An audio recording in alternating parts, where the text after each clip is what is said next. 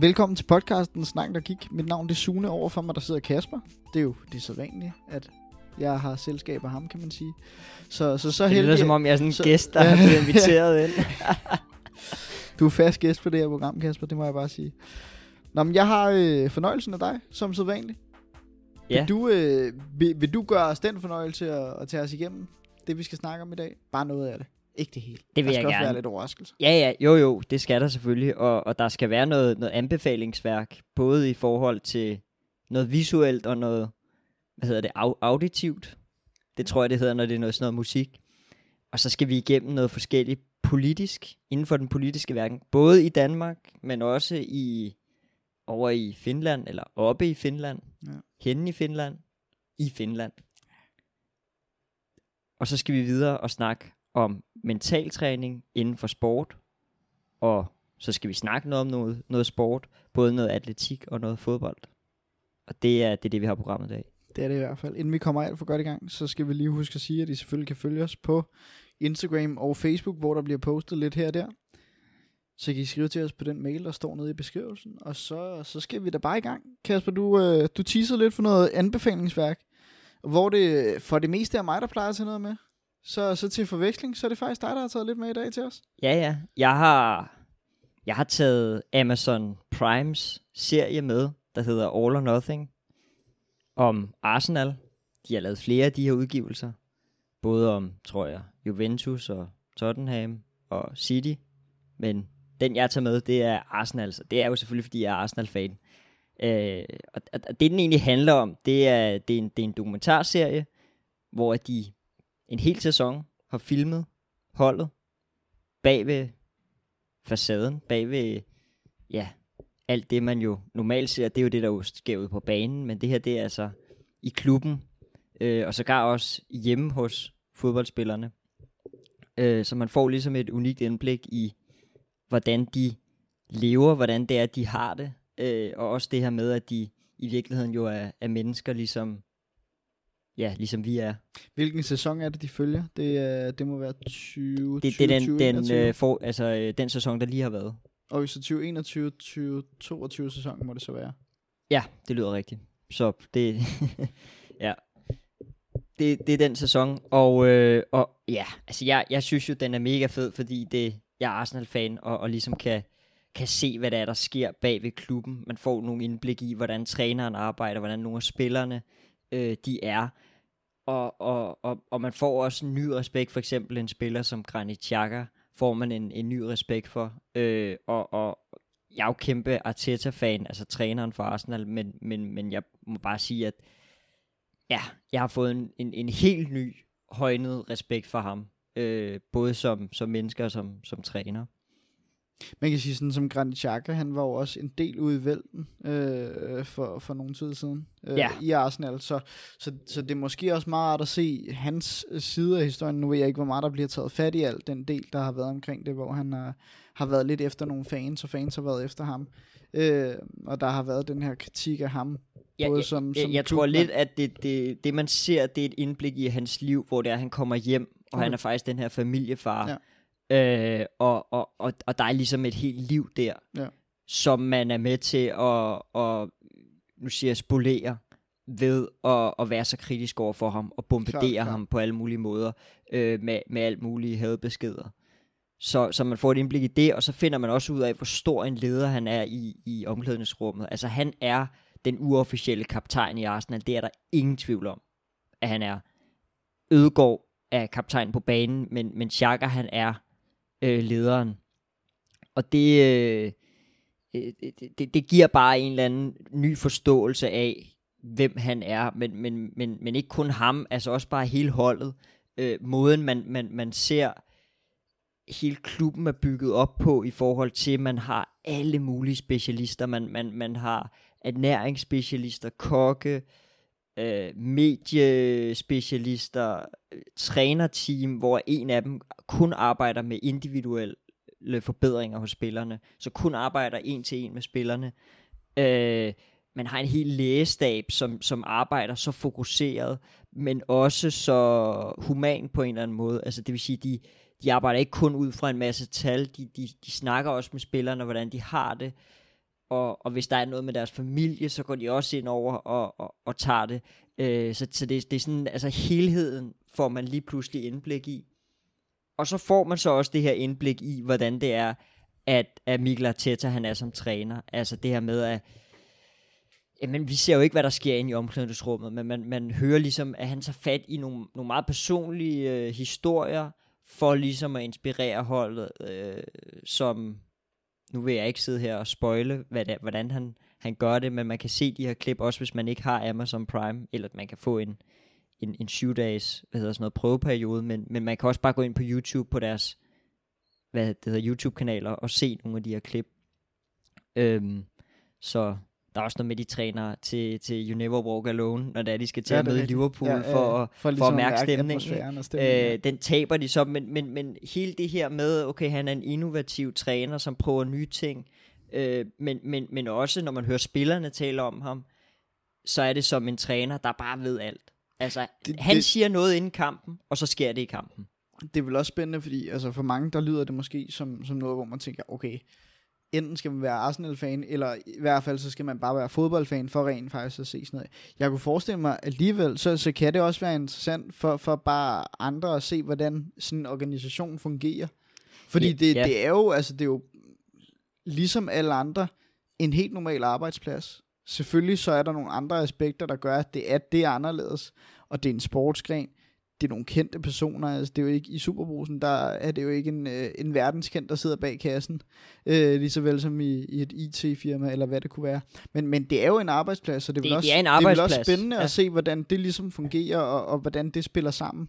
Både- Helt grundlæggende, så ser man dem sidde i en kantine og sidde og snakke sammen. Man ser Mikkel Arteta sidde og snakke sammen med, med en af direktørerne i klubben. Øh, så på den måde, så ser man jo, hvordan det hele, det ligesom bare spænder sammen øh, på kryds og tværs. Og, og, og at, ja, det, det er mennesker, vi har med at gøre her. Ikke? Det er ikke øh, en masse personer i, eller hvad det hedder, en masse tal i et, et videospil. Og, og, og det her, altså også bare transferne, når man, når man ligesom hører om, hvordan det er, de foregår. Mm. Altså det, det er mennesker, vi har med at gøre. Ja. Det er ikke, det, det er sgu ikke bare tal, og det er ikke bare sådan lige at få sådan en transfer over.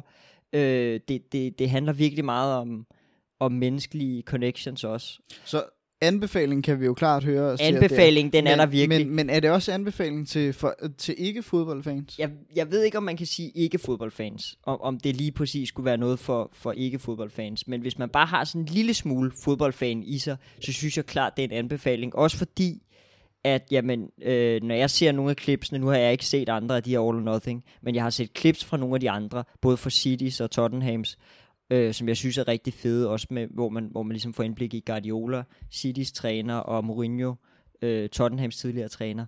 Og, og, og det er fedt at se, altså nogen, så, så for mig, så jeg, så jeg vil, jeg vil tro, at man som fan af alle mulige andre klubber også vil synes, at den, at, at den er fed at se, eller se Cities eller, eller Tottenhams. Ikke? Så klar anbefaling herfra, og, og, og altså, den er en must-watch, hvis man er, hvis man er Arsenal-fan. Og som sagt, gratis prøveperiode på syv dage. Ja. Så, så det er ikke noget problem at skulle se den. Kasper, vi skal videre til, til nogle andre former for anbefalinger. Du, du snakker lidt om det her til at starte med, fordi vi, vi har taget et lidt anderledes element med. For mange, der har fulgt med i længere tid, jamen, så ved de også godt, at der bliver snakket lidt musik en gang imellem. Og det skal vi også snakke nu. Men vi skal snakke det på en lidt anden måde. Fordi jeg har prøvet at, at Jamen, prøv, prøv at kigge på det på en lidt anderledes måde, og ikke bare taget ny musik med kun, øh, eller gammel musik, eller albums, men, men lidt mere dykket ned i, jamen, hvad er det, vi har med at gøre, øh, og så, så vælge noget ud. Fordi det er sådan, at, at hver fredag, der kommer der ny musik ud. Det er ligesom, øh, ja, hvad kan man sige, det, det er ligesom noget, der står i et, i et lidt usynligt regelsæt for, for mange musikere. De ved, at der kommer den her playlist ud på, på diverse musiktjenester, heriblandt blandt andet Spotify, der nok er den største. Øhm, og det betyder jo, at man selvfølgelig gerne vil med på den her nye playlist, fordi det er der, alle de nye sange kommer hen, der udkommer om fredagen, og det er den, som folk lytter til, når de skal finde noget ny god musik. Så, så der kommer som sagt altid ny musik ud om fredagen, øhm, og jeg har kigget lidt på det, set om, er der, er der noget, der er værd at kigge på? Og det, det kommer vi forhåbentlig også til i fremtiden. Men hvis vi starter med det nu her, så har jeg taget tre sange med. som alle tre er nye. Og så har jeg taget en fjerde sang med, som er... Det kan være en fra 60'erne, det kan være en fra 80'erne, det kan være en fra et hvilket som helst årtal. Det kan være, at den er, den er fra sidste år. Øh, du har taget en med, en sang med os. Øh, ja. Og det skal ligesom danne rammerne for, for en lille playlist, vi laver, som, som man kan følge med i, både her på podcasten, men som man også kan følge med på Spotify. Så, så altså tre nye sange, du har udvalgt for den her, skal vi kalde New Music Friday. Ja, præcis. Og så øh, en sang, du har taget med, og en anden sang, jeg har taget med, som er, ja, fra en hvilken som helst periode. Jeps. Og de danner så rammerne for, for den playlist, man kan følge. Hvis vi starter med de nye sange, så, øh, så har jeg som sagt taget tre sange med den her gang. Og det er overraskende nok alle sammen danske kunstnere. Vi har øh, en, som vi tidligere har snakket om ganske kort. En, en der hedder Joshua, dansk rapper. Har tidligere lavet noget musik med Top Gun, har lavet noget med Pind, hvis man kender ham. Så har vi øh, vores kære Flake, kommer fra Albertslund. Albertslund-drengene, lige så, lige så vel som der findes suspekt, de danske hyrder. Jamen så har vi taget, taget de Albertslundske Flake med. Der, der har en lille feature med. Og så har jeg taget øh, en, der er helt oppe i tiden lige nu, nemlig Andreas Oddbjerg med. Hvis vi starter med Joshua, jamen så er det en sang, der hedder Sci-Fi Life. Og grunden til, at jeg ligesom har taget den med, jamen det rap, som Joshua laver, det er noget, som jeg er, er kæmpe sokker for. Altså det er virkelig noget af min favorit rap. Jeg er jo kæmpe meget til Pind, jeg er kæmpe meget til Joshua, jeg er kæmpe meget til Benjamin Hav. Og det er, det er den her lidt, lidt klassiske rap, som man er vant til, øh, fra, fra lidt længere tilbage i tiden. Øh, den har lidt Nick J-vibe, hvis man, hvis man kender nogle af de ældre Nick J-sange, hvilket man højst sandsynligt burde gøre, hvis man interesserer sig bare lidt for musik. Så det er bare den her gode danske rap, hvor det hele det bare svinger. Der er nogle klassiske gode ramser, der bare spiller. Noget som, som både Joshua, øh, Pind, Benjamin Hav, som jeg også har nævnt, Arti Arti, der også for den sags skyld, er rigtig, rigtig gode til. Det er ligesom øh, ikke kun fokusere på rimene, men også bare fokusere på nogle gode sætninger, noget der ligesom skaber en, en vis form for dynamik, og det, øh, det formår Joshua altså også at få med i den her. Og så er det bare et klassisk tema med, med at det er hende der pigen, man jagter. Man går efter hende, men, men alligevel så, så magter man hende ikke rigtigt, fordi hun er, hun er sådan lidt... Hun er lidt farlig, hun er lidt toxic, så, så man ved godt, man egentlig ikke burde røre ved hende, men, men man gør det lidt alligevel, fordi det er lidt spændende. Så, så det, er en, det, er en, det er en rapsang, der bare er, er fed, og så synes jeg, der er noget, der er noget virkelig lækkert ved dansk. Og sådan tror jeg egentlig også, englænder har det med engelsk, og, og, og spanier har det med spansk osv. Der er noget lækkert ved, ved musik på ens eget sprog, fordi man, man forstår det selvfølgelig bedre, først og fremmest, men jamen de ramser og sådan noget, der bliver lavet på, på ens eget sprog, det giver også mere mening, når man ligesom har en større forståelse for det. Så, så kæmpe, kæmpe anbefaling herfra i forhold til Sci-Fi Life. Så har vi som sagt Albert Slundske Flake med et feature på en, der hedder Shelingo. Shelingo, jeg har aldrig hørt om ham før, men, øh, men han ligger bare et fedt vers i sangen. Det, det er noget anderledes i forhold til Flake. Det, det skaber ligesom en, en lidt større kontrast til, til, hvad de normalt kommer med. Men ellers så er det bare en Flake-sang. Den er fed fra start af. Der kommer et fedt skifte, hvor den ligesom starter med, med noget omkvæd, øh, og så går den over i et vers. Og det, det spiller bare, altså man har de der lysetoner, og så har man de der rigtig sådan laid back, hvor man bare har den der følelse af, at man bare går, går gennem byen og har det bare fedt. Så den, den, den spiller bare, og er en rigtig flægt sang. Øhm, der er en fed tromme med, der ligesom ligger grundrytmen, tror jeg det hedder. Nu er jeg ikke sindssygt, øh, sindssyg nørdet i forhold til musik, men, men den ligger bare en, en god grundrytme, der ligesom bare kører hele sangen igennem. Så det, det, det spiller bare. Til sidst, så er der nok favoritten for mig, overraskende nok, fordi, jamen, som, som jeg sagde til at starte med, Andreas Odbjerg, han er sindssygt meget op i tiden. Han, han har gjort det virkelig godt, og er kommet med det ene hit efter det andet, men som egentlig også har mindet rigtig meget om hinanden. Altså det har været meget det samme, han er kommet med igen og igen og igen, og, og så er det jo klart, at det ligesom bliver til et hit, fordi hvis det bliver til et hit første gang, hvorfor skulle det så ikke blive det anden gang? Så man, man er meget sådan, når man hører en ny Andreas Oddbjerg sang, så, så ved man lidt godt, hvad man går ind til. Og det, det tænker jeg egentlig også, jeg gjorde, det, gjorde her nu. Øh, den hedder, Hvad skal verden med sådan en som mig, hedder sangen. Og det er meget Andreas Oddbjergsk titel. Men den er anderledes. der er et fint lille guitarspil, der, der kører stille og roligt, som ligesom Trummi Flakes nye sang. Så, så kører den ligesom hele vejen igennem. Og det skaber ligesom sådan en glad form for spillemandsmelodi. Jeg kan huske, man havde meget om, om de her lidt spillemandssange, dengang man, man gik i de små klasser i skolen, og man havde kor og sang og det ene og det andet. Så var det meget de her spillemandsmelodier, som man havde. Det, det er egentlig lidt den vibe, jeg får af den her. Og så er det bare en, en, en glad sang, der kommer med, med den kommer med et godt budskab omkring, at jamen, nogle gange så kan man godt føle sig lidt ligegyldig, man kan godt føle sig lidt forkert og, og måske lidt tilfældigt placeret, men, men et eller andet sted, jamen, så går det sgu nok, så, så skal man nok klare den, fordi i sidste ende, så finder man ud af, hvad, hvad man ligesom er skabt til. Øh, og jeg synes, han tager rigtig, rigtig fint fat i det. Øh, at han ligesom lidt kritiserer sig selv på en eller anden måde, men alligevel synger i omkvædet, der synger han, jeg er bare et mirakel fra den dag, jeg blev født. Vent og se, jeg skal nok få styr på det. Det der med, jamen, altså, du, du er et mirakel, og sådan vil det være hele tiden. Der er bare et, et tidspunkt, hvor du får din forløsning. Det kan være, at den kommer i dag, det kan være, at den kommer i morgen, det kan også være, at den først kommer om lang tid. Og jeg synes bare, det er en rigtig, rigtig fin måde, han tager fat i det på.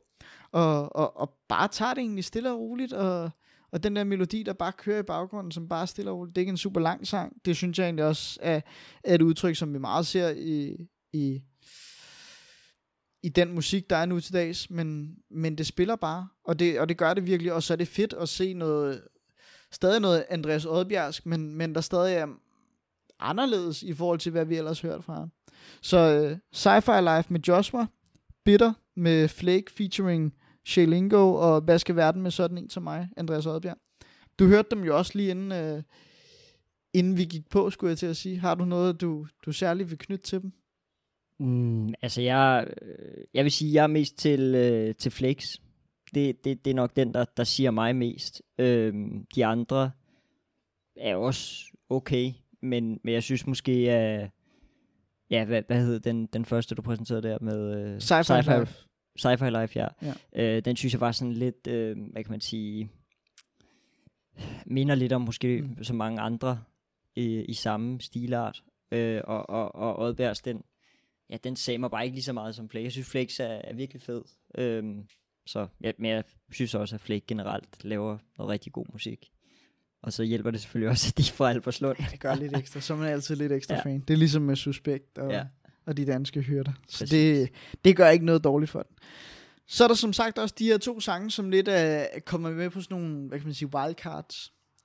Og, og der er jeg startet med at tage, tage en ægte klassiker med jeg øh, er vokset op med ABBA bravende ud af højtalerne hjemme hos mine forældre. Øh, har været på, på ABBA Museum i, i Stockholm, tror jeg det har været, eller også Göteborg. Jeg er ret sikker på, at det var Stockholm med mine forældre, da jeg har været en 12-13 år gammel.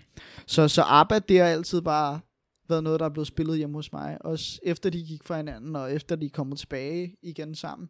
Der er det bare noget, øh, noget der kører på fuld skrue, og vi har set alle de her Mamma Mia-film, hvor det selvfølgelig er arbejdssangen, der bliver, der bliver brugt. Så, så det er ligesom noget, jeg voksede op med, og noget, jeg kan huske fra, da jeg var helt lille, og, og altid også selv har sunget med på, fordi mm, selvom man måske ikke helt vil kendes ved det, jamen, så er det bare noget, der, noget, der sidder både øh, på stemmebåndet og på nethinden, at man ligesom kan, kan huske de her arbejdssange. Og jeg tror også, alle på vores årgang har nogle forældre, der har hørt det, eller, eller nogle onkler eller tanter, der, der bare har spillet ABBA for fuld brag. Så, så jeg har selvfølgelig taget en ABBA-sang med som, som mit første wildcard, hvis man kan sige det sådan. Og det er en som fodboldfans i nyere tid er, er, er begyndt at, at genkende lidt mere. Fordi Tottenham blandt andet har, har skrevet en fansang på den. Det er selvfølgelig Gimme Gimme. Gimme a Man After Midnight.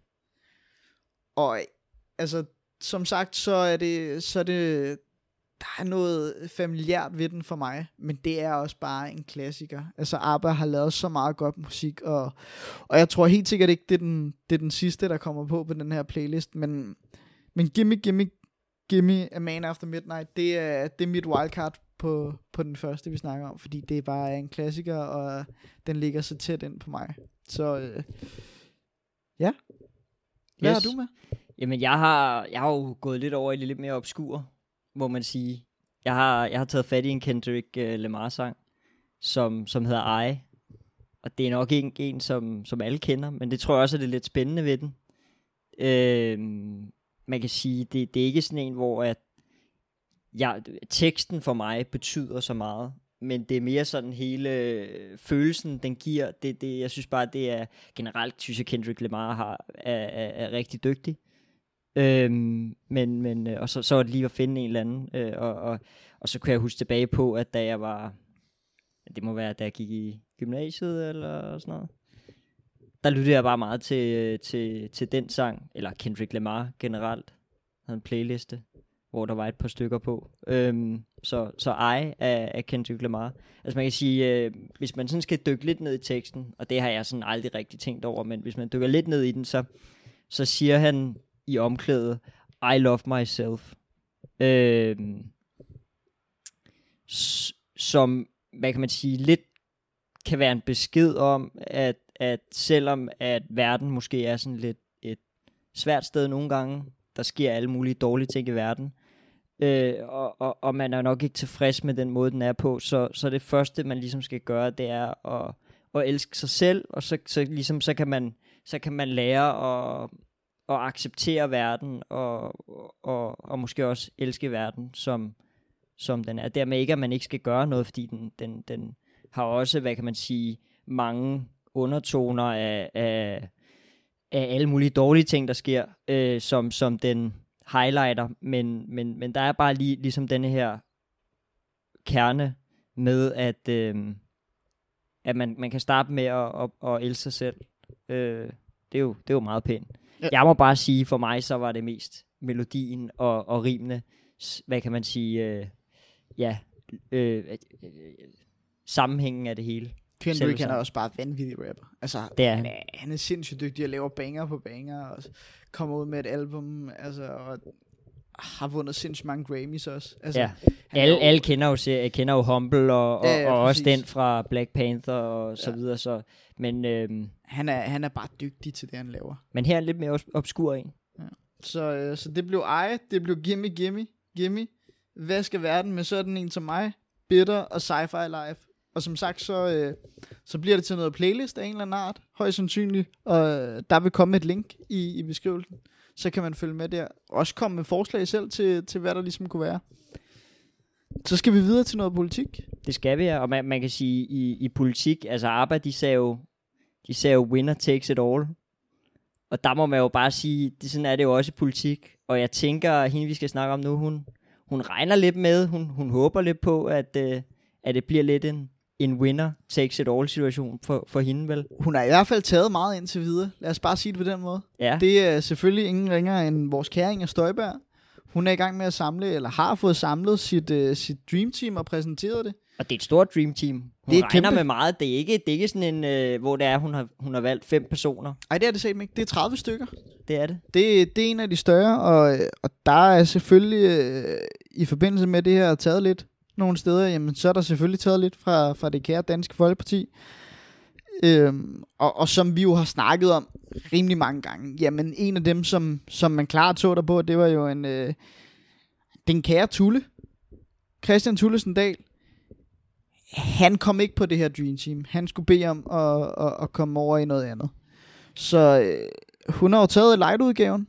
Hun har taget hans bror, Jens Henrik Tullesen Dahl, en af de første til Dream Teamet, han er kommet på, som sagt, light-udgaven af, af vores kære Tullegøj. Øh, så, så det blev broren. Altså, det, det er jo det, man må, må tage til takke med, ikke? Altså, der, der, der er ikke så meget at gøre der.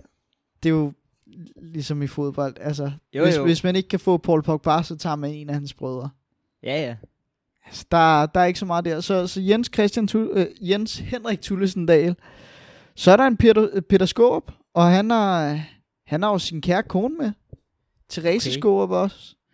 Så der er, der er kommet et lille kærestepar med. Det er en familiesammenførsel, vi har der. Det er det i hvert fald. Der er det noget mere. Det ellers ikke så meget for. og, og det, nej, det, det er hun sagt ikke, men, øh, men så længe de er hvide i huden, så er der lidt mere ved det. Øh, så er der noget, noget Søren Espersen. Han er også kommet med over. Og det er, sær- øh, det, det er sørme også en familie, familiesammenkomst igen, fordi han har jo taget datteren Susie Jessen med. Okay. Så der er lidt mere familie.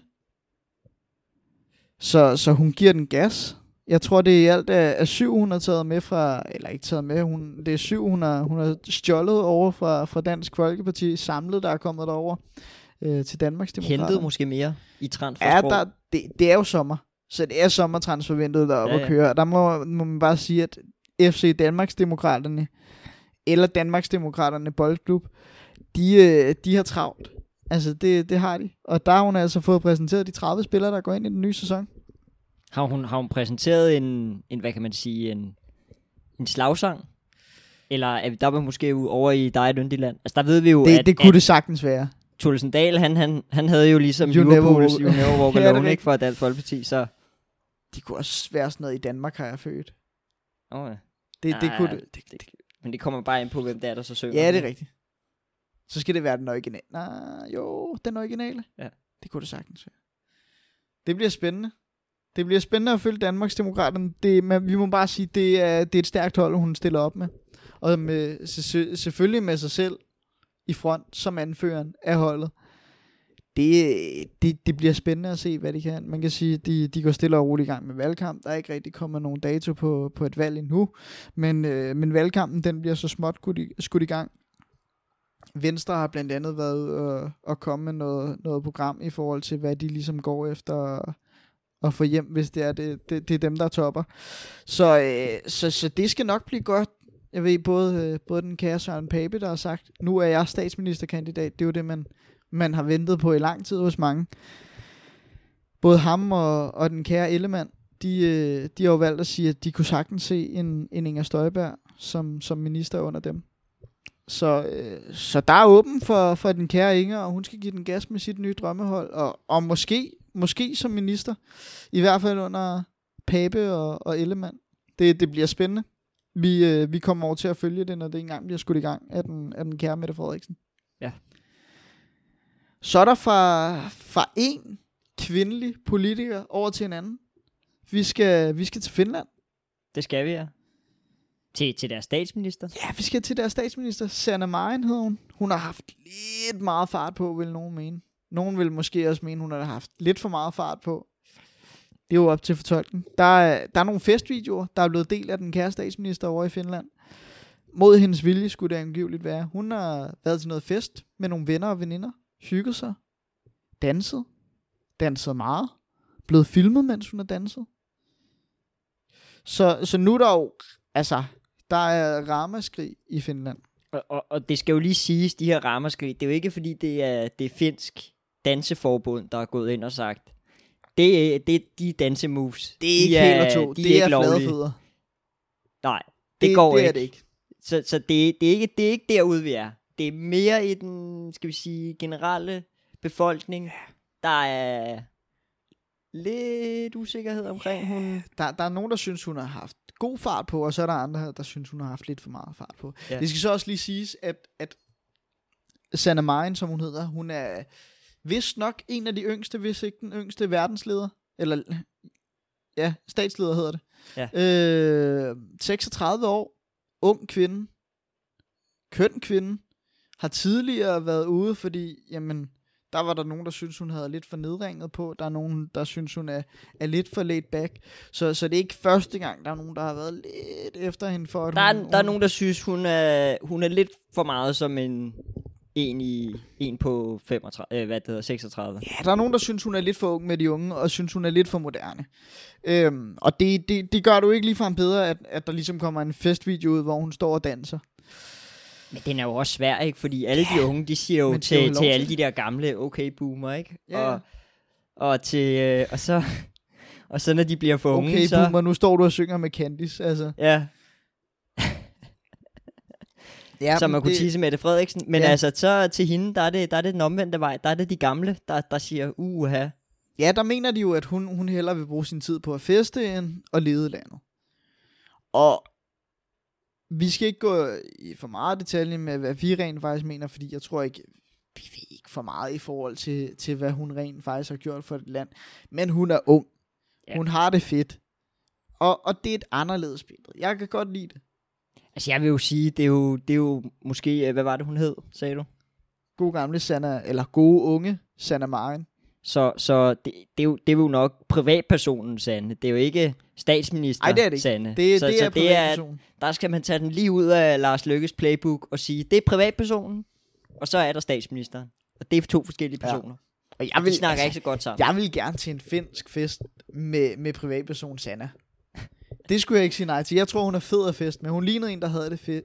Og hun lignede faktisk en, der havde det så fedt, at øh, en- en af, en af politikerne fra, fra et af støttepartierne til hendes regering, eller til hendes øh, regeringsparti, jamen han, han vil faktisk have, at hun skal narkotestes.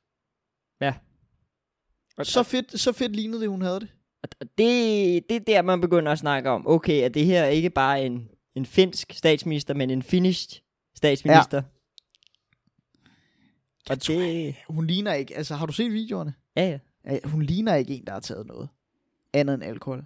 Nej. Men, jeg tror, jeg tror det, det, det tætteste, vi kan komme på noget, der er forbudt, det er måske en lidt, lidt for høj promille. Og nogle lidt forbudte dansetrin. Men hun var jo ikke ude at køre bil. Ej, det var hun ikke. Så, så altså, herregud. Hvis hun vil tage den der narkotest, det siger hun, jeg kan sagtens tage en, en narkotest. Den kommer til at være negativ. Det er fint for mig. Men jeg magter det egentlig ikke, fordi det er pisse ligegyldigt. Jeg skal have lov til at feste. Det er egentlig det, hun lidt siger. Men hvis hun kan vise en negativ narkotest, så gør det det. Altså, det, det eneste, det, det er, det er sådan lidt, hvorfor skal jeg bøje mig for nogen, der er så konservative? Ja. Og synes, at jeg ikke må feste. Men tag da bare den test, og så Tag- kan du, så kan du bagefter, og så så kan fest du sige, videre. ja, så kan Så du sige, hvad sagde jeg? så kan du lave en negativ narkotestfest. Altså, hun skal give den gas. Jeg synes, det er fedt. Jeg synes, det er et frisk pust. Og, og, og det må det gerne være. Det skal ikke altid være sådan nogle kedelige, grå politikere, der sidder på toppen og sidder og bestemmer, hvad der skal ske. Der må godt være lidt gang i gaden. Ja.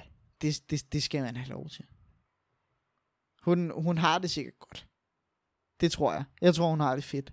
Og Kasper, for, for en, der har det fedt, over til, til noget andet, der, der kan gøre, at man får det, får det rigtig fedt, så skal vi over og snakke om, øh, om noget mentalt helbred.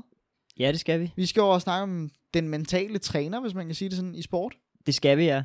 Og det er jo egentlig fordi, at, som man måske har læst, så er, hvis, man, hvis man er lidt inden for, for sportens verden, eller måske e-sportens verden, så er Lasse Svand, som er tidligere håndboldspiller, tidligere professionel håndboldspiller, tidligere håndboldspiller på landsholdet. Han er blevet mentaltræner for et Counter-Strike-hold, et såkaldt CSGO-hold, som man også kalder spillet. Ja. Jeg ved ikke, har du spillet CSGO? Ikke rigtigt. Jeg er, jo, jeg er jo typen, der spiller. Jeg spiller FIFA. Så spiller jeg Fortnite. Så gammel som jeg nu er. Så jeg har ikke gjort mig så meget i CSGO. Jeg spiller også lidt GTA, lidt Red Dead Redemption. Jeg ved, i FIFA, der er det jo kæmpestort, og også Fortnite for den til skyld, at man ligesom har en træner på, der lærer en at spille lidt bedre. Ja. Og tage de rigtige beslutninger. Jeg ved, en af mine gode kammerater, han er, han er Fortnite-træner for, for mindre børn, der, der rigtig gerne vil have en, øh, en Fortnite-karriere. Øh, Ja. men, men nej, CSGO, det sgu ikke lige noget, jeg gør mig af. Det er et skydespil, så Ja. meget ved jeg. Og så kan man få nogle specielle farver til sin våben, som kan sælges for rigtig mange penge. Altså, jeg har, jeg har spillet det. Øhm, så på den måde har jeg lidt insight, men, men det er jo ikke, Okay. altså, det er jo ikke fordi, Det er ikke professionelt. nej, det er jo ikke fordi, at jeg er ekspert på området, og jeg har jo ikke sådan lige fulgt med de sidste mange år, men, men da jeg fulgte med, så, så, så, så har jeg lidt der, altså, fordi det er ikke noget nyt, at, at man hyrer sådan en mental træner. Hvad, inden hvad hedder holdet? Øh, holdet, de hedder Heroic. Det er et dansk hold. Det tror jeg faktisk siger mig noget. Okay. Det, det, er jo, det er jo meget interessant. Men, men, men ja. Hvad det hedder, det er ikke første gang inden for, inden for e-sport, at man hyrer sådan en mental træner. Det hold, der hedder Astralis, som du måske har hørt om, som, øh, hvad kan man sige, hos mange vil være det bedste hold nogensinde inden for øh, Counter-Strike. Også et dansk hold. Øh, de har også har været inde over og, og hyre en, øh, en sportspsykolog. Han hed øh, Lars Rubel. Håber, jeg udtaler det rigtigt. så, øh, så, så det, er ikke, det er ikke noget nyt, og der var de egentlig faktisk mm, sådan meget nye inde på det her område med, med at hyre en mentaltræner. Og, og, øh, og hvad kan man sige, før de hyrede mentaltræneren, så var de kendt for det, man kalder at choke, som, som egentlig bare et engelsk, øh, hvad kan man sige, udtryk inden for, for sportsgren, øh, eller konkurrencer generelt, at når man så kommer hen til et bestemt stadie, jamen så kan det være, at man man øh, presset rammer en, og man, man underpræsterer. Så fucker Dybest man op set. til sidst. Fucker op til sidst, lige Det præcis. kender vi alle sammen Så de, så, de, så de splittede alle ad i gruppestadiet og kom flot videre og så videre. Og så når de kom til semifinaler og finaler, jamen så tabte de dem på stribe. Så de var et, et, et de var, øh, hvad kan man sige, Wengers top 4 hold, øh, altid i top 4 i Premier League, ikke? På samme måde her, altid i toppen af de her turneringer, men, men kom aldrig derop og, og, og ramt og, og vinde. Så hyrer de øh, en mentaltræner, og derefter så, så bliver de det største hold så nogensinde de afsted. så brager de afsted. Det, de, de vinder simpelthen bare alt på stribe. Og der kan man jo så spørge, har mentaltræneren haft noget med det at gøre? Det har han helt sikkert. Men jeg skal, okay, så, så jeg skal lige forstå det rigtigt. Det har sikkert noget at gøre med, at man ligesom skal holde hovedet koldt. Jeg kender det godt selv fra, når jeg har spillet FIFA. Så bliver man sur over, at man lige taber en kamp, og så kommer man ind i sådan en dyster zone. Eller også så er det sådan, jeg skal vinde 20 kampe, man har to kampe tilbage, har vundet 19 kampe, og så vinder man ikke lige de sidste to, selvom man egentlig godt kunne det, fordi man ligesom har været lidt presset. Det- det- er det altså, det, vi er ude i? Man ja, skal fordi ligesom man kan sige choke. Choke, det betyder jo på dansk at blive kvalt, ikke? Altså man føler lidt, man bliver kvalt af presset, man bliver følt, af, man føler lidt af, altså jeg tror ikke, øh, jeg tror ikke så meget, det skal forstås som, som det der raging, altså Mm. med, hvor det er, man, øh, Smadrer en controller. man smadrer en controller. Det er, Okay. okay. det, det er lidt den modsatte, hvor presset ligesom bliver så, så højt, og man tager det så meget til sig, at det influerer ens, øh, ens spil. Og, øh, og, og så, så, så det er mere på den der, den der øh, sådan kvælende fornemmelse øh, under presset. For eksempel hvis man, ja, hvis man har prøvet at spille, øh, spille en finale eller et eller andet inden for noget, så, så, så, er, det, så er der meget pres på. Okay. Så det har mentaltræneren jo helt sikkert arbejdet med, og, og så er det jo så bare interessant, at de derefter går hen og, og bliver, øh, bliver så store. Øh, ham her, Lars Rubel, han siger også, drømmen skal være så stærk, så tydelig, øh, så betydelig, at når tingene bliver svære, og modgangen rammer, så er det drømmen, der styrer holdet igennem. Så der kan man ligesom sige det her med, okay, øh, i Counter-Strike, der spiller man i runder, så det kan være, at man, man taber nogle runder i træk, og så lige pludselig, så, så, så, så mister man fuldstændig overblikket, og så øh, falder tingene fra hinanden. Det kunne også være et fodboldhold, hvor at, at der går et mål ind, og så det mål, det spolerer sig bare resten af, af, af ens kamp. Ikke? Man kan sige, det, det er lidt... Brøndby havde måske lidt... Jeg går ud fra, at Brøndby også har noget mentalt hos dem. Nu, nu snakker du også om Arsenal, der har alle de her forskellige trænere og lægestab og det ene og det andet. Men det er jo sådan, Brøndby lidt kunne have haft brug for, da de, da de spiller 2-2 mod Horsens i 2018, tror jeg det er, Ja. hvor, vi, hvor vi mister mesterskabet. Altså, ja. Der er der måske lidt for meget pres på, fordi det var så lang tid siden, at Brøndby havde vundet det mesterskab. Der kunne de måske godt have haft brug for lige at, at holde hovedet lidt mere koldt. Helt sikkert. Og det, det er et eksempel på det. Et andet eksempel inden for fodbold, det er en, der hedder den mentale, den mentale kriger. øh, Kim Boye. Det, det er den sygeste Facebook-side, jeg nogensinde har set. Ja. Det er fuldstændig vanvittigt. Og han, øh, han var jo inde over i forhold til at få Braithwaite til Barcelona. Ja. Øh, historien er jo, at, at hvad kan man sige, han, han tager forskellige fodboldspillere ofte ind og, og arbejder med dem i forhold til, til det mentale, men hjælper dem også i forhold til at finde, finde agenter og sådan noget og, og fremme deres karriere. Og det gjorde han så med Braidway, De fandt en rigtig god agent, som så fik ham øh, til Barcelona, men, men, men før det, så var der jo også rigtig meget i forhold til det her med, at Braidway skulle udvikle sig som spiller, at han skulle tage det mere seriøst, øh, og, og, og, og, og at han ligesom skulle, ja, hvis du ikke træner hårdt, jamen, så bliver du heller ikke bedre. Og, og man må bare sige, det, det at man kan få Braithwaite til Barcelona, det er, det er altså at skabe resultater. Så kan det, er godt flot. være, så kan det godt være, at Braithwaite ikke er god nok til Barcelona, men, men han er i hvert fald kommet så langt, at han var god nok til at komme til Barcelona i en, i en lidt bizarre situation, godt nok, men, men, men stadigvæk, han er jo ikke, altså, der er jo nogle spillere, hvor man kan pege på dem og sige, de kommer jo aldrig til Barcelona. Så, øh, og det vil man måske også lidt have gjort med Brave, men altså, han, han kommer alligevel deroppe af, hvor han havde scoret en del mål i, i, øh, i ligaen, til at kunne få den mulighed. Og, og, og det, er, det er også en del af det der med at, at arbejde med en mental træner. Som Hvis vi- til sit arbejde. Hvis vi går tilbage til Lasse Svand, som går ind i, øh, i Heroic nu, så siger han også det her med, jamen, så kan man sige, okay, fodbold, det kan jeg forstå, men, men hvad med e-sport? Altså det, det, Håndbold. ja, håndbold, det kan man forstå, men hvad med e-sport? Øh, hvad, hvad, hvad, hvorfor, hvorfor er det en udfordring? Hvorfor er der mentale udfordringer der? Der, er- der er ligesom det her med, jamen, det er egentlig de samme udfordringer, man ser for, for dem, der er i e-sport og dem, der er i sport. Øh, også øh, Lars, øh, ja, det er Robel, tror jeg, Lars Robel, som, som også er inde på det her med, jamen, e-sport, det er en sport. Altså, Det det, det vil det sige, det det, det det, samme- pres, man bliver Ja. ja. udsat for, øh, de situationer, man er i, fra en mentaltræners perspektiv, så der er ikke nogen forskel. Så det her med, at man kan sige, Lasse Svand, jamen kan han være i et, i et andet miljø? Kan, kan, han, kan han blive en mentaltræner for en Counter-Strike-spiller, når han har været håndboldspiller? Ja, det kan han godt, fordi udfordringerne er sådan set de samme. Det handler om at præstere under pres. Det er, jo, det er jo det, ja, som du siger, det er det samme det her med, at du præsterer x antal minutter, og der skal du præstere så højt og så godt som muligt.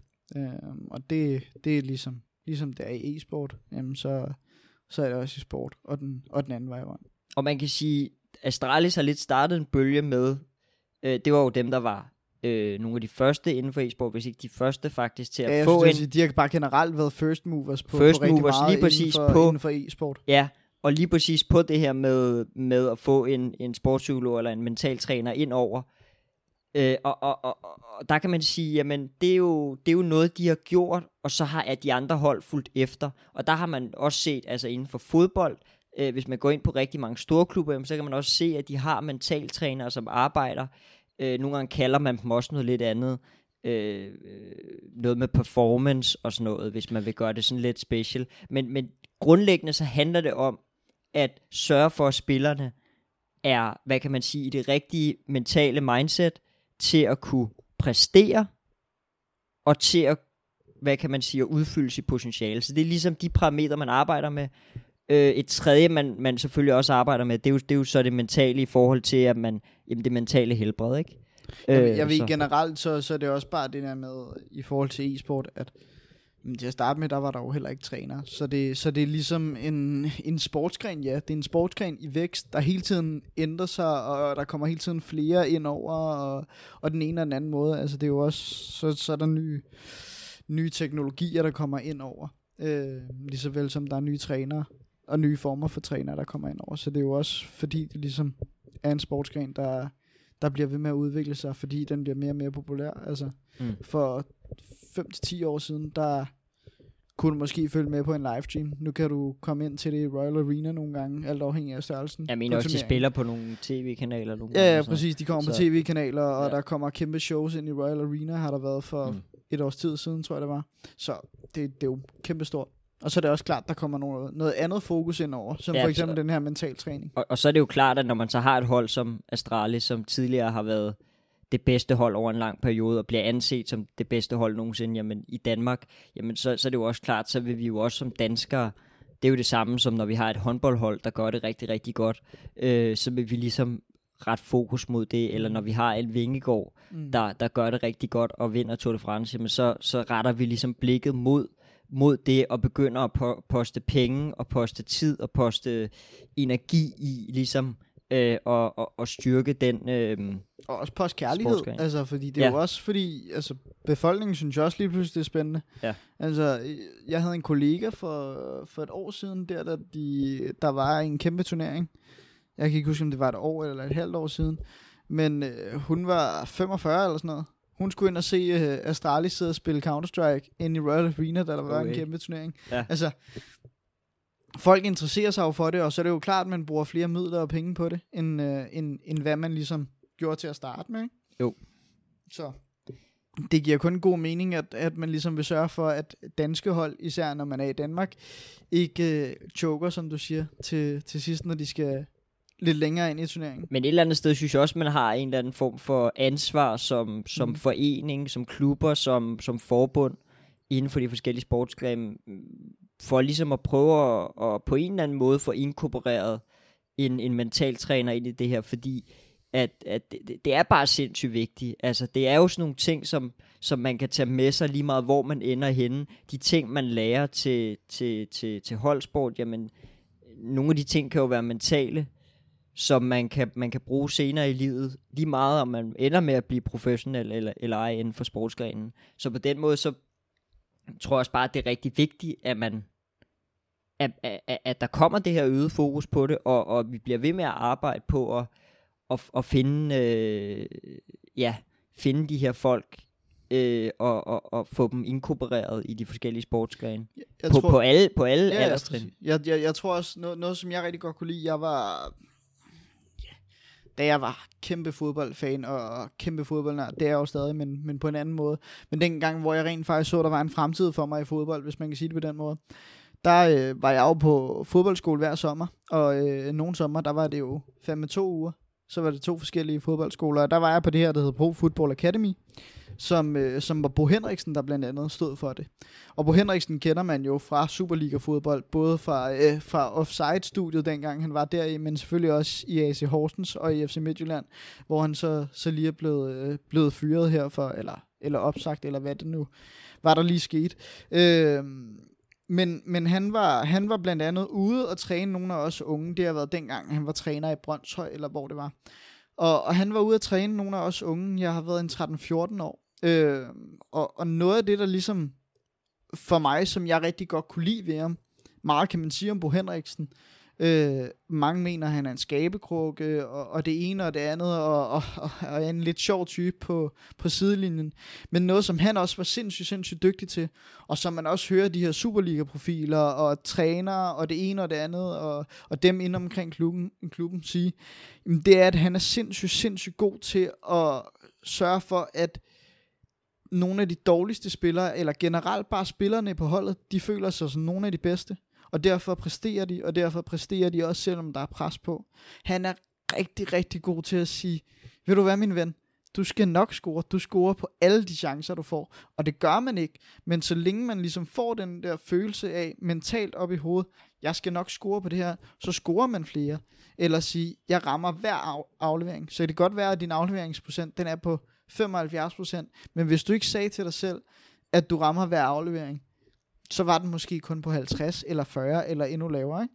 Ja. Så, så, så en, som der virkelig også skaber fokus på det her med det mentale, hvad enten det er de helt små ting, såsom at du skal ramme en aflevering rigtigt, eller de lidt større ting, at du nok skal vinde en, øh, en stor vigtig kamp, der, øh, der vil jeg sige sådan som Bo Henriksen, han har virkelig altid været first mover på det. Også fordi nu der er jeg alligevel, hvad er vi, jeg er 21. Ja, jeg er 21 nu, ikke? øh, så det har været for de der 7, 8, 9 år siden. Ja. Øh, dengang han var i Brøndshøj, og, og det, altså, en, en, en træner, en decideret træner, fordi som du siger, man har mental træner, så har man også de, de andre træner. Altså en decideret træner, der virkelig går op i det her mentale aspekt i, i sporten. Der har Bo Henriksen faktisk været, været blandt de first movers, der virkelig har fået, fået spillere til at, til at indse, hvor vigtigt det er, og også generelt andre klubber. Man, man, man, kan også se, øh, man kan også se det i All or Nothing med Mm. mm. Arsenal, øh, noget af det her, men man kan også, hvis man går ind og får den her free trial, eller man, man måske sågar har øh, Amazon Prime, så er der også en serie omkring Sim, Diego Simeone i Atletico, Ja. hvor man også hører om, jamen dagen efter man har spillet kamp, jamen så sidder alle dem, der jo har spillet, de sidder og restituerer op i øh, styrketræningslokalet og kører på, øh, på de der, hvad hedder de, øh, cykler der Ja, og sådan noget, øh, for, for at ja, restituere, og, øhm, og så er han altså nede, han er ikke op sammen med dem. Han er nede på banen sammen med alle dem, der ikke spillede, og træner dem, og ligesom øh, viser, at, at jamen, de, de- de bliver sgu også set, ikke? Og det er jo også en måde, hvorpå man kan sige, jamen det er jo også en del af, af det mentale, altså man sørger for, at, at alle har det godt, øh, ikke kun i forhold til præstation, men også i forhold til, til velvære, ikke? Ja, ja, ligesom til hånd om det. tage hånd om det, ja. og, og øh, så, så helt vildt vigtigt område. En, en sidste ting, jeg vil sige, der er rigtig, rigtig vigtig. Nu hørte vi dem snakke om det, øh, ham Lars der snakke om, om det her med, drømmen er rigtig vigtig. Øh, han snakker også om noget med, at, at drømmen skal selvfølgelig være realistisk, men man må gerne sådan gå derud, hvor det er, at det begynder at kilde lidt i tæerne, mm. og, og man står lidt på, på randen til, til, til det, der er ubehageligt. Ikke? Øh, men, men, men en anden ting, udover at det er vigtigt at, ligesom at, at have drømmene i orden, det, det er også at indse, at, at fejl er lige med læring. Øh, som jeg godt kan lide at sige. Mm. At altså, når det er, at man laver en fejl, jamen så lærer man også noget. Det er ikke altid det der med, okay, nu fik jeg en succes. Jo jo, men hvis du kun laver succeser, jamen så, så, så lærer du aldrig ligesom nye ting. Så, så er det kun de samme ting hele tiden. Så for at lære nye ting, så, så bliver man nødt til at lave fejl. Øh, det er en del af læringsprocessen. Øhm, og det kan man sige, det er man blevet bedre til, af min opfattelse inden for fodboldens verden, øh, at skabe miljøer, hvor det er okay at fejle og okay at, at prøve ting af. Men hvad kan man sige, i skolen, der halter man rigtig meget efter. Ja. Altså, det, det, det, det er jo helt vildt, når man tænker på det miljø, der er i en, i en folkeskole eller i en gymnasieklasse. Når læreren spørger om noget, så er der måske en to-tre, der rækker hånden op. Det er ikke læring. Jamen, Fordi de to-tre, der rækker hånden op, de, de, de, de er helt sikre på, at ja. de ved det. Dem, der er lidt usikre, og ikke tør at lave fejlen, de, øh, de udvikler sig jo heller ikke. Mm. Så man kan sige, og, og, og, og hvis de prøver at række hånden op og sige noget forkert, jamen så kan det være, at hele resten af klassen sidder og, og griner. Det vil sige, at hele den her kultur, hele den her læringskultur, den er simpelthen gået tabt i folkeskolen. Altså man har simpelthen ikke lige nu, som det er, fokus på at skabe en kultur omkring læring. Uh, man har fokus på udenadslæring, man har fokus på uh, at præstere, men man har, man har simpelthen ikke fokus på udvikling. Og, og man kan sige, det kan man jo også se, at det fortsætter på samme måde i gymnasiet. Altså jeg vil sige, at vi var rigtig heldige i vores gymnasieklasse, fordi der er helt klart også noget med, at man føler sig tryg, både ved læreren, men også ved sine klassekammerater, at man rent faktisk tør at række hånden op. Jamen hvis, hvis du har det godt i din klasse, det er der helt sikkert også undersøgelser, der viser, jamen så tør du også række hånden op, også selvom det måske er forkert, det du siger. Men altså, man kan jo alle sammen tydeligt huske, og det, det har der helt sikkert også været i vores gymnasietid, det der med, at, at folk ikke helt turde at række hånden op, fordi de var bange for, at det var forkert. Ikke? Øh, og det er jo fordi, det ligesom er startet et sted, og jamen, det er i folkeskolen, det er startet. Ja. Så, så jeg, tror, også, jeg tror, det er sindssygt vigtigt at værne om det nu, som sagt. Altså, vi to, vi gik jo i klasse sammen, og jamen, jeg synes, at vores kultur i klassen egentlig var ret fin, og folk, de havde lov til at sige noget forkert. Selvfølgelig så kunne man grine af det, men det var ikke sådan, at man grinede af personen, man grinede mere med personen. Ikke? Øh, og jeg kan da også huske fra min folkeskoletid, nu gik jeg så på en privatskole, hvor, hvor der var en, altså, en ret sådan voldsom perfekthedskultur, hvor der galt det virkelig om kun at sige det rigtige. Hvis du sagde det forkert, så er det ligegyldigt. Jeg kan huske, da jeg gik på skolen der, at i engelsk for eksempel, der, øh, og det havde man også i matematik, der havde man to forskellige hold. Man havde et grundhold, og så havde man et udvidet hold, hvor udvidet hold, det var ligesom for dem, der var bedre, eller ja, bedre i gåsøjne, ikke? Og der kan jeg huske i engelsk eksempelvis, der blev jeg rykket fra, fra grund til udvidet hold. Øhm, og, og på grundholdet, jamen, der havde jeg følt mig tryg og godt tilpas, og jeg turde at sige noget i alle timerne. Men lige så snart jeg rykkede op på det, der hed udvidet hold, vi var kun en klasse på hver trin, så, så det var egentlig bare vores klasse, der var delt op til hvad der nogenlunde svarede til halv-halv. Øh, men da jeg kom op på, på udvidet hold, til trods for, at det var med, med endda flere af mine gode venner øh, fra klassen, jamen så turde jeg ikke rigtig sige noget, fordi man ligesom var bange for, at selv den mindste sætning, du skulle sige, altså det kunne være, at du nærmest bare skulle sige, jeg hedder Sune. Altså, der, der frygtede man fandme, at man sagde, man sagde det forkert. Altså, og, og det, det, er en, det er en forkert kultur at, at have i skolerne, fordi det gør bare, at der er rigtig, rigtig mange, der falder af på den, og ikke rigtig kommer til det niveau, som, som de gerne vil.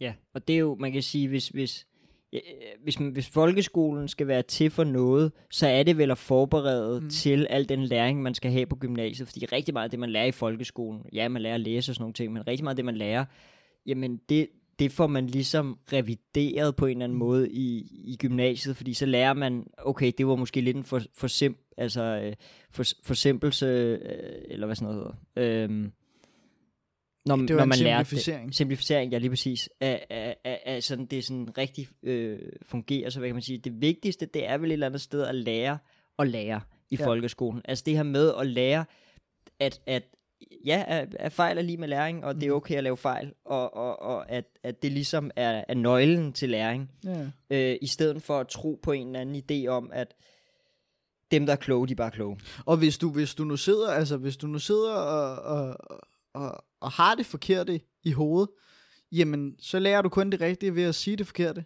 Fordi så kan læreren eller nogen andre sige til dig, det er ikke helt sådan, men det er tæt på, du skal bare gøre det på den her måde. Og, og, og jeg kan huske, vi, øh, altså lige, lige så meget som, som der er ris til, til den privatskole, jeg gik på, jamen så, så havde jeg også en sindssygt god tysklærer, øh, og klasselærer for den sags skyld. Øh, men hende havde jeg også i tysk, og, og, og hun var sindssygt god til ligesom at, at komme med noget konstruktivt. Altså sindssygt god til at sige, det er næsten rigtigt, det du har gjort, men der, hvor du lige laver en lille fejl, der skal du lige gøre sådan her i stedet for. Altså, der turde man gå op til hende og sige, er det her rigtigt, eller er det her forkert? Kan du forklare mig, hvad der er forkert, hvis det er forkert? Øh, det, var, det var bare ikke alle, man turde med, og det, øh, uanset om det var ud i klassen, eller, eller bare alene med læreren. Det var, det var ikke alle, man turde gøre det med. Så, Ja. Rigtig meget fokus er jo på den her perfekthedskultur omkring karakterer og alle de her Mm. ting med, at man skal fjerne karakterer. Men jeg tror bare, øh, folk forstår ikke, hvad, hvad den egentlige kerne af problemet er, som jeg ser det i hvert fald. Og det er det her med, at man, at man har en fejlfrihedskultur. Mm. Det, det, det, altså, karaktererne er ikke, hvad kan man sige, for mig at se, det, det, det store problem. Men de er selvfølgelig en del af den her fejlfrihedskultur, mm. hvor at hvis du laver en fejl, jamen så, så rammer det dig så meget, at det kan ikke betale sig at prøve. altså man kan sige, det, det du i sidste ende får karakterer på, det er baseret på, hvor meget du siger. I hvert fald i forhold til den mundtlige del. Selvfølgelig så skal der også være hold i det, du siger, men der lærer du selvfølgelig at sige de rigtige ting, jo, jo mere du prøver at sige noget. Men, men rigtig meget af det, som det går på, jamen det er bare, at du siger noget i timerne, og rent faktisk viser, at du engagerer dig i det. Så er der selvfølgelig den skriftlige del, men det får du så også karakter i. Der er, der er der selvfølgelig noget, der skal være rigtigt. Men, men rigtig meget af det mundtlige, jamen det går jo på, siger du noget i timerne, kan jeg se, at du følger med, er du engageret. Så altså, man, det, det, det, det er det, man skal lægge fokus på, at det rent faktisk er det, man får karakter for, og det ikke er for, at du siger noget rigtigt. Så det er det, man skal, man, altså, karaktererne er jo en god ting, og man bliver nødt til at vurdere det på en eller anden måde. Så det er så fint, de er der. Altså, det er så fint, man går efter et 12-tal, det er så fint, man går efter et 10-tal, det er også rigtig fint, hvis man går efter et 4-tal, eller, jamen, eller at man bare skal bestå. Men man skal sige, at det er ikke nødvendigvis det rigtige, vi søger. Vi søger bare, at du rent faktisk er engageret i det, fordi så kan vi mærke, at du rent faktisk vil lære noget. Og det, øh, det skal man blive bedre til at lægge fokus på, både som lærer, som institution, øh, også som, som klassekammerat. Ja. Så, øh, så fejl er lige med læring, og altså, har man et barn, der, der spiller en eller anden sportsgren, eller går i skole, det er jo alle børn, der går i skole, så det er Eller jo gå til dejligt nemt. skak. så, så kan det være fint, at man, øhm, at man måske lige undersøger lidt om, hvad, hvad er nogle af de her ting, der skal til for at have et sundt mentalt øh, miljø. Ja. Yes. Vi skal videre til, til noget sport. Vi skal videre til noget atletik. For i går, vi sidder og optager lørdag den 20. august. I går, fredag den 19. august, der vandt danskernes lyn, har jeg kaldt hende. Ida Karstoft. Hun øh, vandt EM-bronze på 200 meter sprinten. Ida Karstoft, hun øh, 26 år gammel, har smadret rekord på rekord på rekord på rekord i 2022.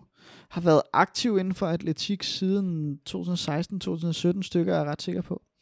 Hun er tidligere professionel fodboldspiller i, i Brøndby IF. Kommer til dem i 2015. Okay.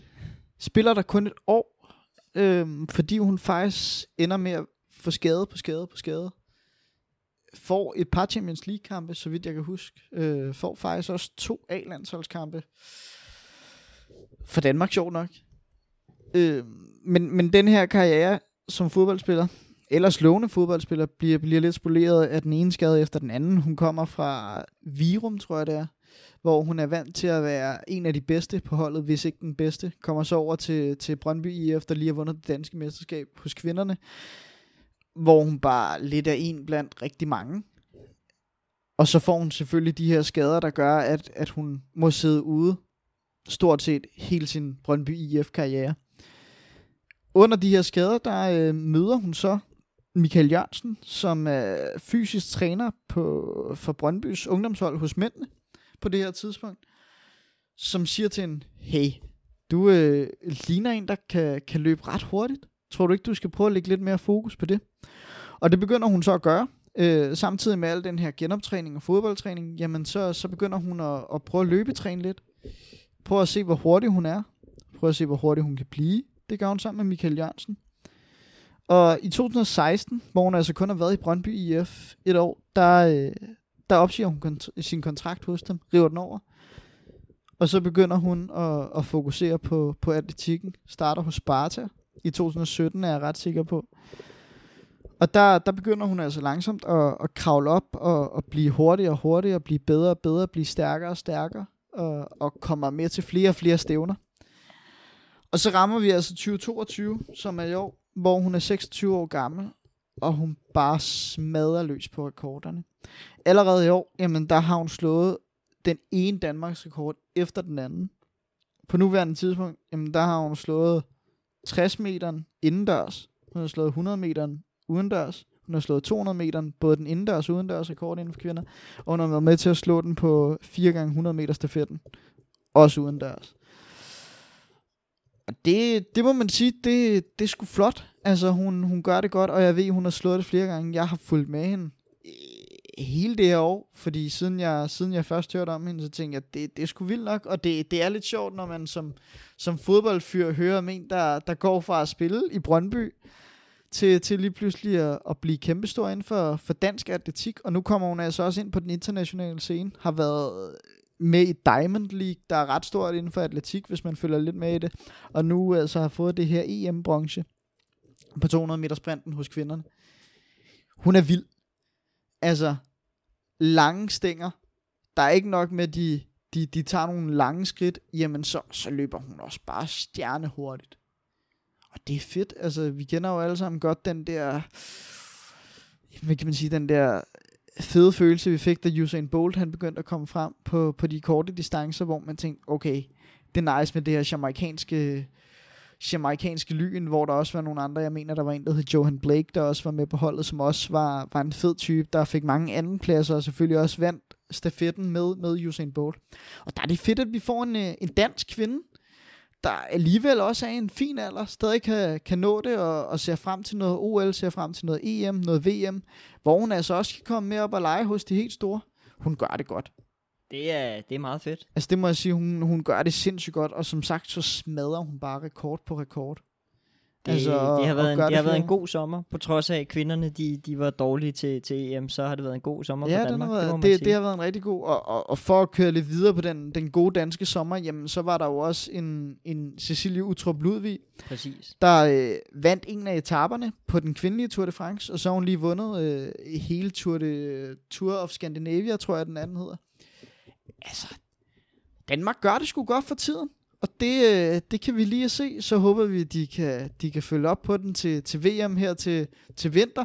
Men, men det er jo fedt. Altså, jeg synes, det er fedt, og især også at se noget i, i noget andet sport end fodbold, fordi det er jo noget af det, som vi følger rigtig meget med. Vi har været vant til håndbold herrerne og håndbold kvinderne, også normalvis har gjort det rigtig godt. Men det er fedt ligesom at mærke det der, og så synes jeg, som rigtig mange inden for atletikken, ud fra hvad jeg kan se, også siger, synes jeg, det er fedt at se, at vi også kan løbe lidt hurtigt igen. Fordi det, det er ikke set i meget, meget lang tid, at Danmark har kunnet løbe så hurtigt, som hende Ida Karstoff gør. Og der er altså... Der er noget tid til året slutter, må man bare sige. Så, øh, så hun har stadig nogle rekorder, hun kan blive ved med at slå, og det bliver højst sandsynligt nogen, som hun selv har lavet af de her Danmarks rekorder. Så, øh, så det bliver spændende at se, hvad hun kan præstere resten af året. Det, øh, det er i hvert fald noget, hun gør godt, og jeg må bare sige, altså, det er bare fedt at se nogen løbe hurtigt. Det er det altså. Så øh, Ida Karstoft, gå ind og tjek hende. Både på sociale medier, men også bare alt det her. DR skriver en masse artikler om hende. Øh, har lavet nogle, nogle lidt mere deep dives i, hvem hun er. Har lavet øh, noget videoværk med hende også, hvor man kan, kan høre lidt om, hvor, hvordan hun har det, hvordan hun er kommet ind i den her atletikverden. Så øh, altså kæmpe personlighed, og, og virkelig fedt at, at, at se dansk succes på den måde. Ja, og altså man kan sige, det er jo, selvom der måske ikke lige har været en mental træner indenover, i hvert fald ikke noget, vi lige ved noget om, så øh, har der da helt sikkert været nogle mentale greb, der har, der har været brugt der i forhold Helt til, til det her med drømmen, og, og, og med at arbejde stenhårdt for at, at, at nå der til, ikke? Så det er da Og også så- lidt inspiration. Så synes jeg også, det er lidt, altså det er bare et fedt karriereskift, altså som hun også selv siger i nogle artikler. Før der drømte hun om øh, Champions League fodbold med Brøndbys kvinder. Nu, nu drømmer hun om at, at løbe så hurtigt hun overhovedet kan, og, og smadre den ene rekord efter den anden, og, og vinde nogle mesterskaber der. Det, det er fedt. Jeg, jeg kan rigtig godt lide den historie med, med hvordan hun har gået fra fodbolden til, til atletikken. Det er, ikke så, det er ikke så tit, man ser sådan nogle karriereskift, på det tidspunkt i hvert fald. Det er meget normalt, at man ser, jeg ved, en Mathias Kvistgaard, der er i, i Brøndby, har, har været noget gymnast, hvilket man også kan se på hans, øh, hans jubelscener, der har han været noget gymnast i sine unge år. Øh, men det er ikke så tit, man ser de her karriereskift, når de først er blevet etableret. Og så kan man sige, så selvfølgelig har der været nogle, nogle skader hos, hos hende her Ida Karstoft, men hun er alligevel kommet til en mesterskabsklub i form af Brøndby, og så ender med at rive den her kontrakt over og sige, nu, nu satser jeg på noget, noget helt andet. Ja, ja. Man snakker også meget om inden for, for øh, hvad hedder sådan noget, udvikling inden for sport, om øh, der er sådan en stor debat omkring tidlig specialisering versus sådan lidt mere sampling af, af en masse forskellige mm. sportsgrene, hvor der er jo nogen, der mener, at man tidligt skal ind og specialisere sig inden for den sportsgren, man gerne vil være god for, hvor der er andre, der siger, jamen, øh, det, er faktisk, øh, det er faktisk bedre, hvis det er, at man, man prøver en masse forskellige af, Ja. øh, og får en masse forskellige ting med, ikke? Og man kan sige, at gymnastik er jo god til at få de her motoriske færdigheder ind, ikke? Og der er jo også løbetræning i fodbold, og så, altså, Jeg ved, der er også, jeg kan ikke huske, om det er amerikansk fodbold, eller om det er normal fodbold, men der bliver der også brugt noget ballet til at opnå en vis form for smidighed. Øh, ja, ja, der, er- jeg der, er jo- ved, der er masser af... Zlatan har brugt, så vidt jeg ved, både ballet og noget karate eller kampsport til netop at opnå den smidighed, som man har. Fordi Ja. altså, manden er jo de der 40-41 år, og, og kan stadig få, få benet op til hovedet. Altså nærmest. Ja, ja, men det, det er jo, man kan sige, det, der er jo noget overførbarhed i Ja. de forskellige, og, og, og ja, det er, jo, det er jo bare fedt, når det, er, det, det virker. Ja. Skiftet. Så skal vi, skal vi lidt fortsætte i den her sportsnak. Vi skal, vi skal snakke noget fodbold, og det begynder allerede at sidde og krible lidt i både hænder og fødder hos mig. For øh, der er kommet en, en kæmpe tilbagevenden inden for, inden for dansk fodbold, og inden for især brøndbysk fodbold, skulle jeg til at sige. Daniel Vass, han er tilbage i Brøndby, tror jeg. Det er han. Spiller højre bak i sin første kamp. Spiller af- fantastisk. På, ja, spiller virkelig fantastisk, men, øh, men højre bak på grund af, der er nogle, nogle skader og lidt forskelligt hos Brøndby, der gør, at, øh, at han blev smidt derned. Har spillet højre bak i sin tid øh, som, som Brøndby-spiller førhen. Øh, Niels Frederiksen ser mere som, som en midtbanespiller, men, øh, men fedt at se en nummer 10 på højre bakken, og så bare fedt at se Vast tilbage. Og det var, det var fedt. Altså, som Brøndby-fan, jeg tror også, det er fedt for mange danske fans, når, når sådan nogle legender, de, øh, de vender tilbage til suppen, og, øh, og ligesom viser, hvordan det skal gøres. Og så er det jo stadig på et højt niveau. Altså, som du siger, spiller fantastisk, løfter holdet, sørger for, at de vinder en kamp i Superligaen. Det gjorde de jo kun i første runde siden da, der har det ikke ligefrem gået så godt. Men, men der sørger han altså for, at de er tilbage på sporet. Man må bare sige, at nogle gange så handler det ikke så meget om at købe de rigtige positioner. Nogle gange handler det bare om at købe kvalitet, lige meget hvilken position det er på. Ikke? Og så når man køber en spiller som ham, jamen du kan jo sætte ham overalt, og så vil han, så vil han komme med en eller anden form for kvalitet, fordi han bare er det nøk bedre end, end resten. Ikke? Altså Og han spillede jo landsholdsspiller. Altså, spillede fuldstændig vanvittigt. Det var, det var så fedt at, at, at se, både hvordan han løftede holdet generelt, men også en, en Mathias Greve, som der lige pludselig shiner i forhold til, at han ikke rigtig har fået sit gennembrud i Brøndby. Det fik han så sandelig i den kamp. Og så en, øh, en Divkovic, der også begynder at, at, at se rigtig, Men han begynder at ligne en, der virkelig vil spille noget fodbold under, under vas. Øh, så det var, det var bare fedt at se det. Og så ja, så er det mod et svækket OB-mandskab, der, der ikke ligefrem har haft den allerbedste start, men det har Brøndby så sandelig heller ikke. Så, så det var fedt at, at se ham tilbage i Brøndby, Brøndby tror jeg, tilbage på Brøndby Stadion, med fansene bag sig. Kæmpe kulisse, fed kulisse. Jeg tror, det har været fedt. Jeg tror virkelig, det har været fedt for ham at, øh, at komme tilbage, og det har jo været længe ventet. Altså, det har jo været rygtet de sidste par sommer. Vi har, jo, vi, har jo, vi har jo også snakket om det i podcasten, mm. hvor du var jo meget glad for det. Mm. Og jeg var sådan lige lidt påpasselig. Det- Han skal ikke, vi skal ikke op i, i de for høje summer. Ej, Fordi er så... Øh, øh, ja, man skal ikke begynde at, hvad nu siger, jeg, spilde en masse penge på en, en der er 30 plus. Det, det, det synes jeg måske er lidt åndssvagt. Og, og det synes jeg heller ikke, man har gjort. Øh, Jeg, jeg ved, han har taget en... Han har gået en del ned i løn, og så er det kostet de der 13-15 millioner kroner. Danske kroner er jeg ret sikker på. Så, så det har heller ikke, altså, det har ikke været forfærdeligt dyrt at, at få en, få en ind, der kan gå ind og ændre mandskabet, og gå ind i startelveren fra day one, på den måde, som han kan. Det er, det er en fornøjelse, og til, til den pose penge, selvom han er oppe i årene, så har han stadig lige 3-4 gode sæsoner bag sig nok, eller foran sig hedder det. Så øh, det, det er sindssygt god signing. Altså både, både set med Brøndby-briller, men også set uden Brøndby-briller, så er, det, så er det virkelig en god signing for Brøndby side af. Og vi skal snakke lidt med flere transfers. Det, det har vi haft til, til vane at gøre her de sidste par gange. Jeg synes, vi skal fortsætte lidt. Barcelona, Galehuset, de har fået øh, registreret nogle spillere. Ja. Ja. Alle sammen. Bortset fra Jules Kunde, er jeg ret sikker på. Ja. Det var flot nok. det må indtil man sige. videre. Det var vi ikke så sikre på, de ville. Det var, det var ellers efter, de har fået solgt øh, en eller anden andel af, af, af noget øh, Barcelona noget. Så har de endelig kunnet registrere deres spillere, bortset fra Jules Kunde. Det er vildt. det, det altså er- det, ja. det er så, så sygt at se, hvor, hvor meget penge det betyder i fodbolden desværre. Men øh, de har fået registreret spillerne. Ellers så havde vi jo set, at de, de kunne skifte klub fra den 13. august af, tror jeg det var cirka. Ja. Det, det er sgu vildt nok. Men, øh, men tillykke til dem. United skal vi også lige vende. United, der har haft en fænomenalt dårlig start på sæsonen. Taber til Brighton. Taber 4-0 til Brentford et hold i opløsning, et hold, der bare ikke gør det godt. Til en Hag, der lidt står og, og tænker, øhm, hmm, får jeg, de, får jeg de spillere ind, som jeg gerne vil have? Og hvad gør jeg egentlig? Jamen, de har signet Casemiro. Kæmpe signing. Det, bliver sige. spændende at se. Det er en, vi har... Det er hans type, vi lidt har skrevet efter i, øh, i en del år efterhånden nu. Så, øh, så det er fedt at se ham. Jeg tror, det bliver godt. Håber, det bliver godt. Løntung en spiller. vinder. Ja, altså indad vinder. Altså virkelig en, der, det, er en, der, det er en, der ved, hvordan man vinder. Nu, nu ligner det jo, at vi er i gang med at lave et Real Madrid Light.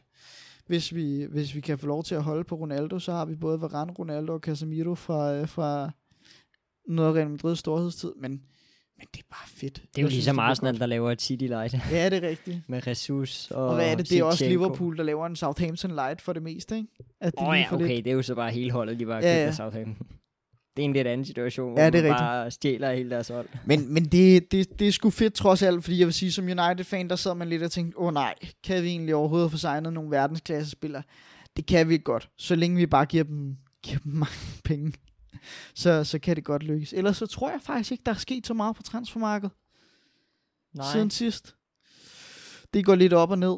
Der er forskellige hold, der forstærker. Nottingham Forest er rimelig Ja, spændende, de, fordi den jo gas. de har signet 17 spillere nu. Ja, ja, de, tror jeg, eller de, de er fuldstændig vanvittige. Øh, oprykkerhold, der bare signer mm. den ene gode spiller efter den anden, som de, altså også smarte køb, synes jeg. Altså, ja. Det Ja. er ikke sådan noget med, med, hvor at det bare sådan er stjerner, de bare går ind og, ligesom man nogle gange har set, Fulham har købt alt for mange spillere, og så er de bare rykket ned alligevel.